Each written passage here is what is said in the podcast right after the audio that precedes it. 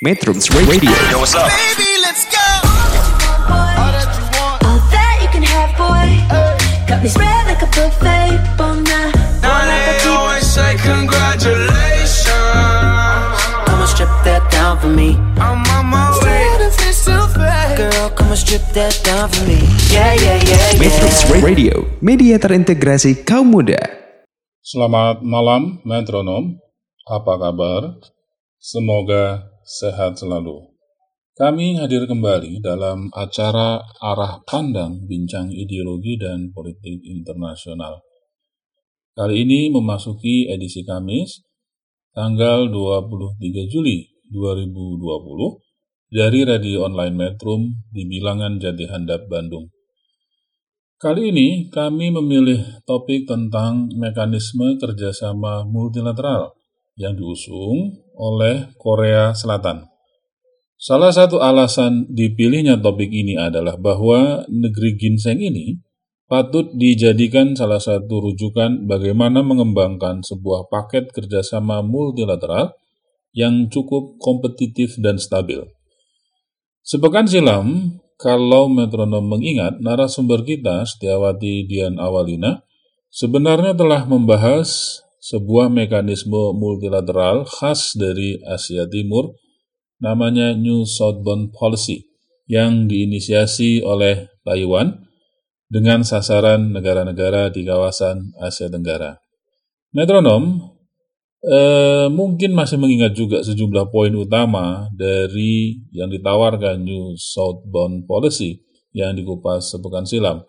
Maka kali ini metronom akan mungkin merasakan hal serupa pada topik New Southern Policy. Nah, untuk lebih lengkapnya, pembahasan kali ini seperti biasa akan ditemani oleh Setiawati Dian Awalina, asal program studi hubungan internasional pada International Women University Bandung. Sinok asal Cimohong Brebes ini yang akrab disapa Mbak Dian sehari-hari akan membahas New Southern Policy untuk metronom. Selamat malam Mbak Dian, silahkan. Selamat malam teman-teman metronom dan juga selamat malam untuk Pak Desmond. Terima kasih atas waktunya. Untuk teman-teman metronom, berjumpa kembali dengan saya tentunya Setiawati Diana Walina dari program studi hubungan internasional pada International Women University Bandung dalam acara program Arah Pandang, Bincang Ideologi dan Politik Internasional. Topik acara Arah Pandang edisi Kamis ini adalah Seoul berpaling ke selatan.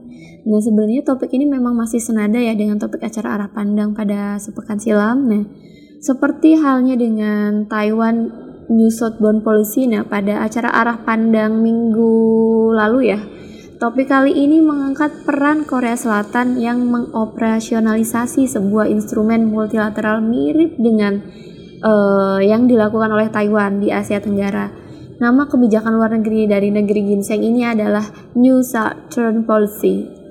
Nah, kebijakan ini sedikit banyak memiliki latar belakang yang memang mirip dengan New Southbound Policy yang dijalankan oleh Taiwan tidak hanya soal latar belakang. Nah, sasaran dan bentuk dari kerjasama yang ditawarkan juga memang sulit dielakkan memang mirip satu sama lain. Nah, kemiripan kemiripan itu uh, tentu bukan suatu hal yang kebetulan ya. Nah, sebagai sebuah kebijakan luar negeri kedua instrumen ini uh, melalui proses yang berlapis-lapis tentunya. Nah, nah tapi uh, terlepas dari proses kelahirannya yang tentu sedikit sulit diungkap ya karena memang uh, sangat terkait pada kepentingan nasional uh, negara masing-masing. Jadi teman-teman metronom uh, mungkin uh, muncul ya di antara kalian rasa ingin tahu yang lebih mendalam. Tentu saja rasa ingin tahu yang muncul di luar popularitas Korea Selatan selama ini di kawasan Asia Tenggara dengan budaya K-popnya yang memang digemari juga untuk teman-teman kita di Indonesia ya sangat besar sekali ya. Nah di luar dari itu Korea Selatan sangat intensif mengelola relasinya dengan negara-negara di kawasan Asia Tenggara melalui New Southern Policy ini. Nah misalnya mengapa ASEAN cenderung menjadi pilihan utama sebagai kawasan tujuan kerjasama Korea dan Taiwan? Kemudian apa kepentingan nasional yang ingin dicapai melalui instrumen New Southern Policy Korea di ASEAN? Lalu apa pola kerjasama antara ASEAN dan Korea melalui New Southern Policy ini? uh, berpulang menciptakan integrasi intrakawasan yang lebih erat di masa depan mungkin. Nah, kemudian juga uh, sampai sejauh mana interdependensi antara dua kawasan ini berdampak pada tercapainya kepentingan nasional seluruh aktor yang terlibat di dalamnya.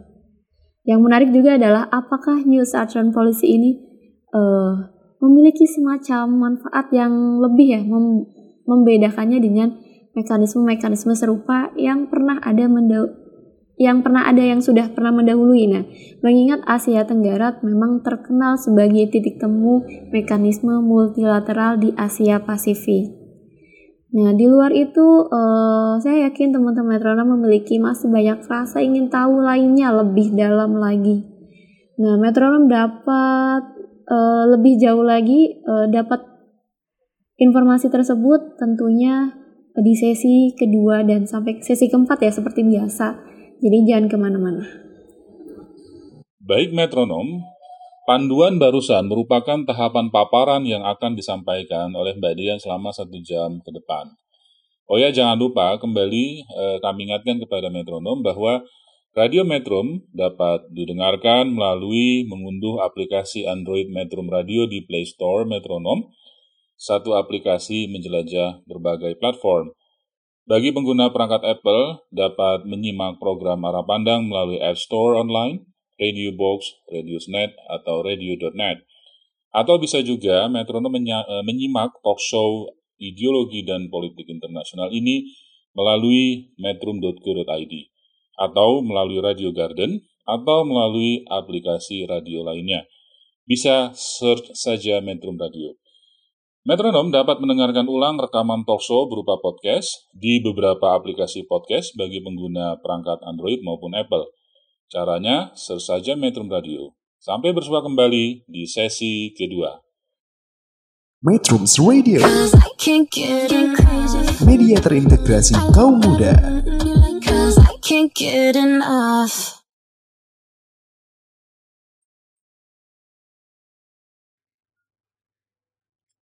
Metronom, saat ini kita berada di sesi kedua.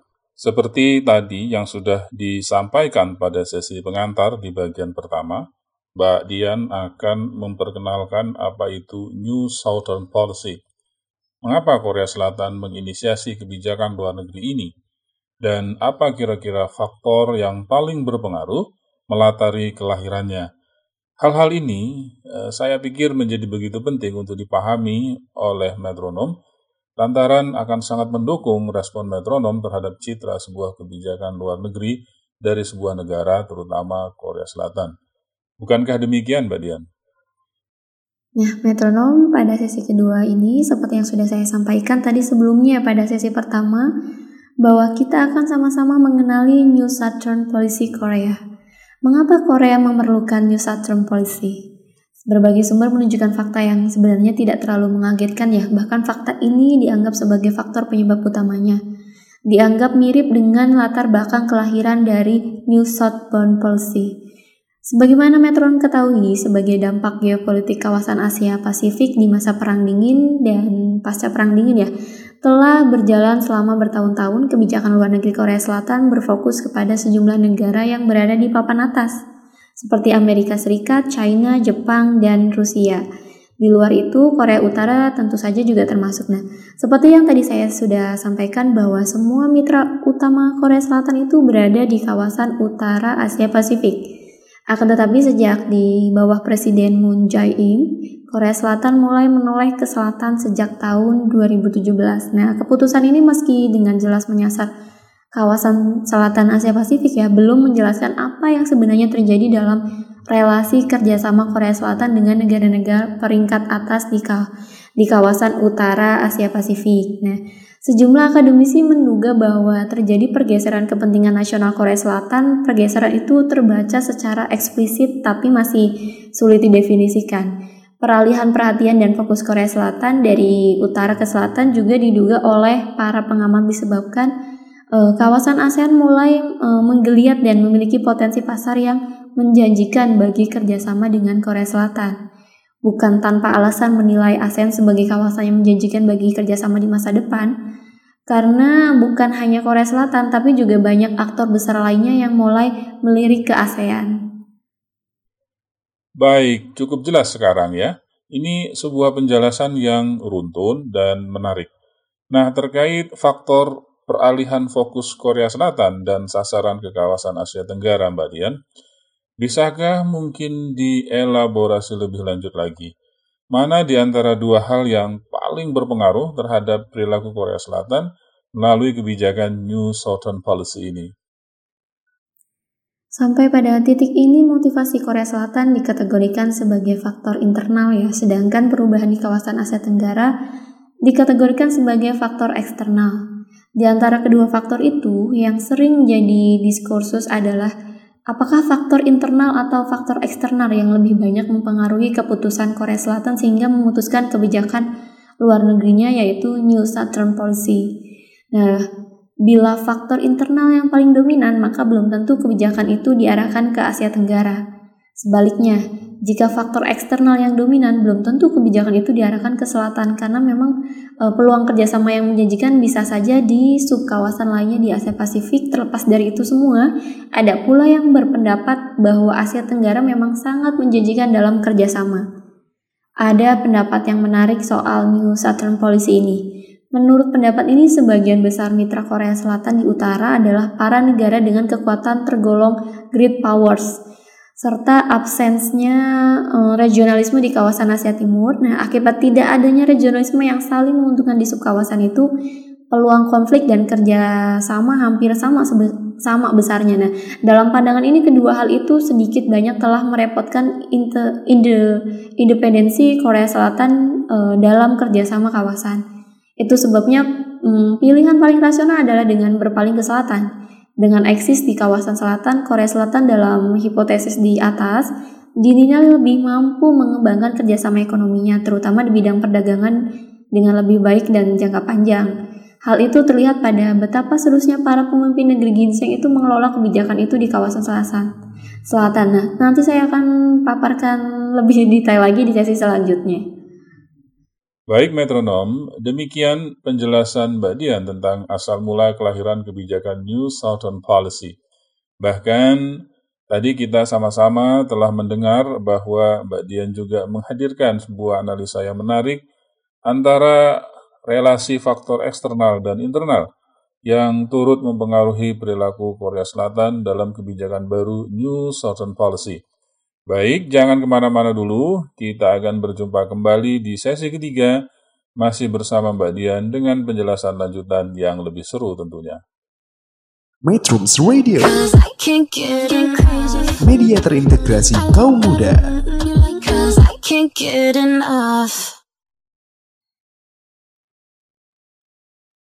Metronom, kita saat ini telah menginjak sesi ketiga Nah, setelah mengetahui asal-muasal kelahiran New Southern Policy, selanjutnya apa langkah konkret yang dilaksanakan oleh Korea Selatan terkait kebijakan ini, terutama di kawasan Asia Tenggara? Silahkan, Mbak Dian. Ya, teman-teman metronom, jika kita pilih ke belakang relasi antara Korea Selatan dan negara-negara di kawasan Asia Tenggara, pra-New Southern Policy sebenarnya telah uh, mulai secara intensif dijalin sejak tiga dekade silam. Nah, pada waktu itu bahkan masih merupakan masa transisi dari sistem internasional bipolar perang dingin menuju ke sistem internasional omnipolar pasca perang dingin. Nah, bentuk relasi itu memang harus diakui masih terbatas pada mitra dialog, akan tetapi di bidang perdagangan ada angka yang terus bergerak positif. Misalnya, Volume perdagangan antara negara-negara ASEAN dan Korea Selatan pada waktu itu telah menyentuh nilai 8,2 miliar US dollar. Angka ini terus bergerak dinamis meningkat dari waktu ke waktu. Fakta ini juga uh, menunjukkan bahwa Korea Selatan melalui New Southern Policy memiliki pengalaman yang tidak sedikit di masa silam dan interaksinya terhadap negara-negara di kawasan Asia Tenggara. Jadi teman-teman metronom, seperti tadi yang sudah saya sampaikan pada sesi kedua, bahwa Korea Selatan sangat serius mengelola New Southern Policy. Keseriusan itu uh, terlihat ya pada apa yang dilakukan pemimpin Korea Selatan Presiden Moon. Nah, tidak tanggung-tanggung kurun waktu antara tahun 2017 hingga tahun 2019 pemimpin Korea Selatan itu telah rampung mengunjungi satu persatu sejumlah negara di Asia Tenggara. Nah, kunjungan uh, setingkat kepala negara ini tentu saja di mata internasional memperlihatkan langkah yang tidak main-main dan dari pemerintah Korea Selatan dalam mengawal New Southern Policy ini. Mendengar penjelasan barusan, bolehlah dikatakan bahwa negeri ginseng ini ternyata sangat serius menangani kebijakan ini ya. Nah, itu yang saya rasakan dari tadi. Tapi betulkah demikian, Mbak Dian? Iya betul. Jadi teman-teman metronom, keseriusan itu terlihat dari daftar negara ASEAN yang Presiden Korea Selatan kunjungi dalam berurutan tidak terlalu jauh. Mungkin uh, jika saya berbicara seperti ini, mungkin teman-teman metronom yang khususnya belajar HI ya, kita dapat menganalisa karena ini adalah uh, aktor pemimpin negara yang berkunjung ke sebuah negara, bahkan e, dari pidato-pidato tersebut kita akan melihat motif dan maksud tujuannya mengunjungi negara tersebut ya. Nah, mulai dari kata apa saja yang sering disebutkan dan kita e, pasti akan lebih menilik lebih jauh dari pidato yang disampaikan oleh pemimpin. Nah, pada bulan November 2017, Presiden Moon mengunjungi dua negara ASEAN. Yang pertama ya e, Indonesia dan Filipina. Tidak terhenti di situ, karena selanjutnya Presiden Moon pada tahun 2018 juga mengunjungi dua negara ASEAN, Vietnam pada bulan Maret 2018 dan Singapura pada bulan Juli 2018. Jadi teman-teman metronom setahun kemudian pada tahun 2019 Presiden Moon men, e, kembali mengunjungi tiga negara ASEAN, Brunei Darussalam, Malaysia dan juga Kamboja di bulan yang sama, Maret. Nah, di tahun 2019 Presiden Moon juga kembali ke ASEAN Uh, kali ini melanjutkan ke Thailand, Myanmar, dan juga Laos yang ia kunjungi di bulan September. Jadi kalau dihitung-hitung ya Presiden Moon ini dalam dua tahun antara November 2017 hingga September 2019 telah uh, berkunjung ya ke 10 negara ASEAN. Nah, sebuah upaya yang serius diperlihatkan oleh Korea Selatan dalam menjalankan kebijakan luar negeri New Southern Policy di ASEAN. Nah, dalam analisa kebijakan luar negeri ini, eh, pertemuan antara kepala negara itu biasanya sebelumnya telah ada serangkaian pertemuan intensif yang mendahului di tingkat substansi dan teknis. Artinya, metronom bisa membayangkan ya betapa sibuknya eh, setiap kedutaan besar Korea Selatan dianggap di setiap negara ASEAN melakukan pendekatan negosiasi hingga mempersiapkan kedatangan kepala negara sebab lazimnya pertemuan eh, setingkat kepala negara sudah sampai pada sesi uh, penandatanganan saja. Jadi mungkin teman-teman metronom juga uh, harus paham ya karena memang ketika uh, pemimpin negara berkunjung itu melalui proses yang biasanya juga cukup panjang.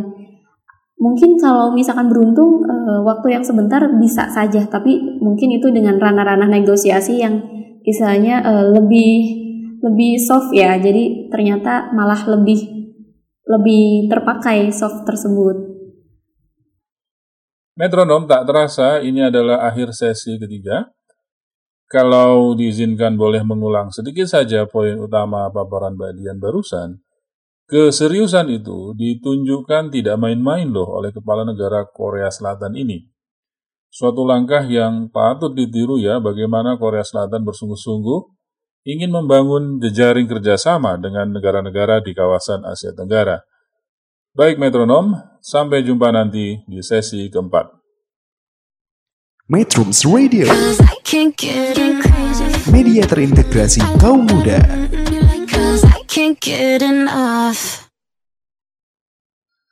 Metronom, tibalah kita di sesi keempat, sesi penghujung acara arah pandang Kamis petang ini. Satu hal yang saya ingin sampaikan sebagai sebuah pertanyaan, dalam keseriusan itu, apakah Korea Selatan juga menempuh cara-cara multilateral untuk menciptakan environment yang kondusif terhadap implementasi New Southern Policy ini di kawasan Asia Tenggara, Mbak Dian? Ya, teman-teman metronom, seperti yang tadi uh, saya sampaikan bahwa begitu serius Korea Selatan mengelola New Southern Policy, Upaya yang dilakukan Korea Selatan ternyata bukan cuma pendekatan ke seluruh negara ASEAN, tapi juga disusul uh, kemudian dengan hal-hal institusional lainnya. Langkah institusional itu meliputi level nasional dan regional. Pada level nasional, Korea Selatan membentuk sebuah komite nasional. Komite ini berada di bawah koordinasi presiden langsung. Nah, komite ini mengemban tugas untuk memberikan rekomendasi dan mengkoordinir kebijakan-kebijakan nasional Korea Selatan yang ter terkait uh, New Southern Policy. Nah, teman-teman metronom selanjutnya di tingkat regional adalah didirikannya Biro ASEAN. Biro ini secara struktural berada di dalam Kementerian Luar Negeri Korea Selatan. Nah, kehadiran biro ini tercatat pertama kali dalam sejarah Korea Selatan yang masih di bidang regional karena uh, Korea Selatan juga telah melipat gandakan kemampuan misi Korea untuk ASEAN. Mungkin ini perlu di-highlight ya. Kemampuan misi Korea Korea untuk ASEAN dan menaikkan status kepala misi Korea Selatan untuk ASEAN.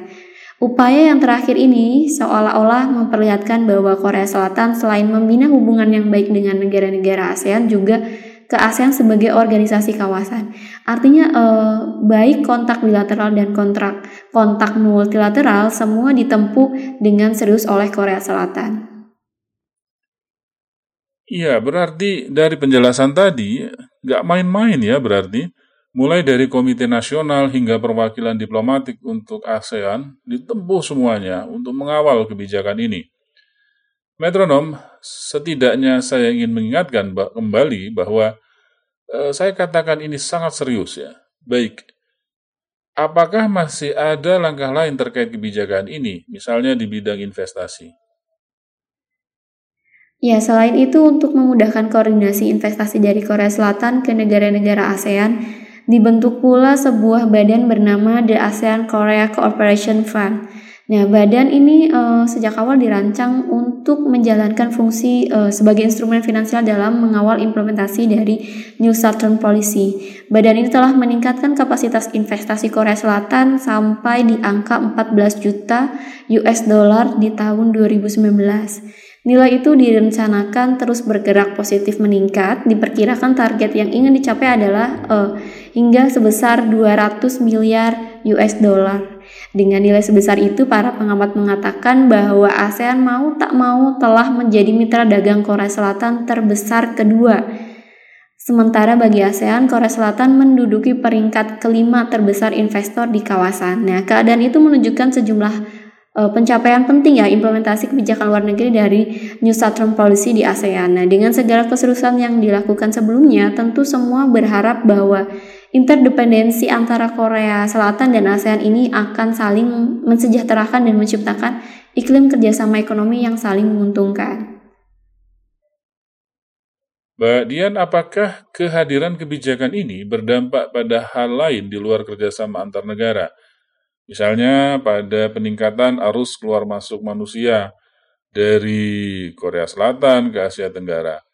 Sebab e, seiring peningkatan investasi itu, biasanya, ini biasanya, disertai pula dengan tingginya lalu lintas manusia dari kedua kawasan. Metronom. Jadi peningkatan nilai dagang tadi juga ternyata diiringi dengan peningkatan arus manusia dari Korea Selatan ke Asia Tenggara. Tercatat awalnya pada tahun 1989 sekitar 100 ribu orang.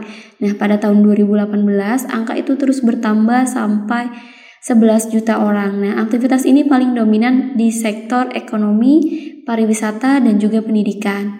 Nah, sesuatu yang sulit ditampik karena makin kemari ya, kita dengan mudah bertemu dengan berbagai bentuk program tentang Korea Selatan di sekitar kita.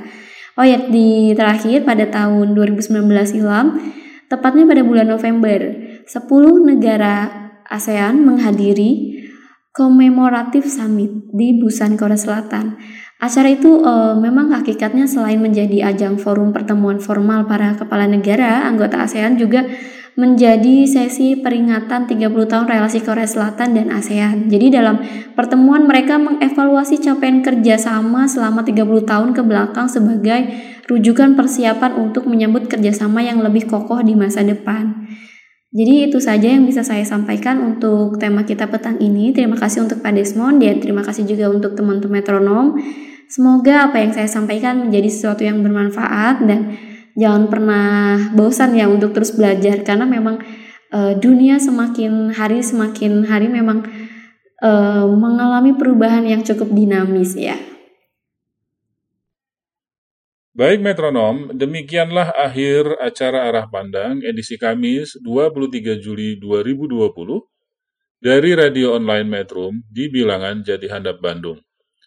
Topik petang ini sebenarnya mengajarkan satu hal saja bahwa kawasan Asia Tenggara, tempat kita, Indonesia, salah satu negara di Asia Tenggara berada, ternyata adalah kawasan yang paling diminati oleh banyak negara untuk menjalin kemungkinan-kemungkinan kerjasama yang saling menguntungkan. Kali ini Mbak Dian telah mengungkapkan salah satu contoh ya, bagaimana sebuah kebijakan luar negeri diarahkan secara khusus ke Asia Tenggara. Itu semua mau tidak mau membuat kita harus memiliki kesadaran baru bahwa keberadaan secara geopolitik Indonesia di kawasan Asia Tenggara merupakan bagian dari kawasan yang paling diminati negara-negara besar di dunia. Terima kasih atas paparannya yang telah membukakan wawasan metronom petang ini, Mbak Dian. Kepada metronom, terima kasih telah bersama acara Arah Pandang pada petang ini. Sampai jumpa kembali Kamis pekan depan. Selamat malam. Metrums Radio, Cause I can't get enough. media terintegrasi kaum muda.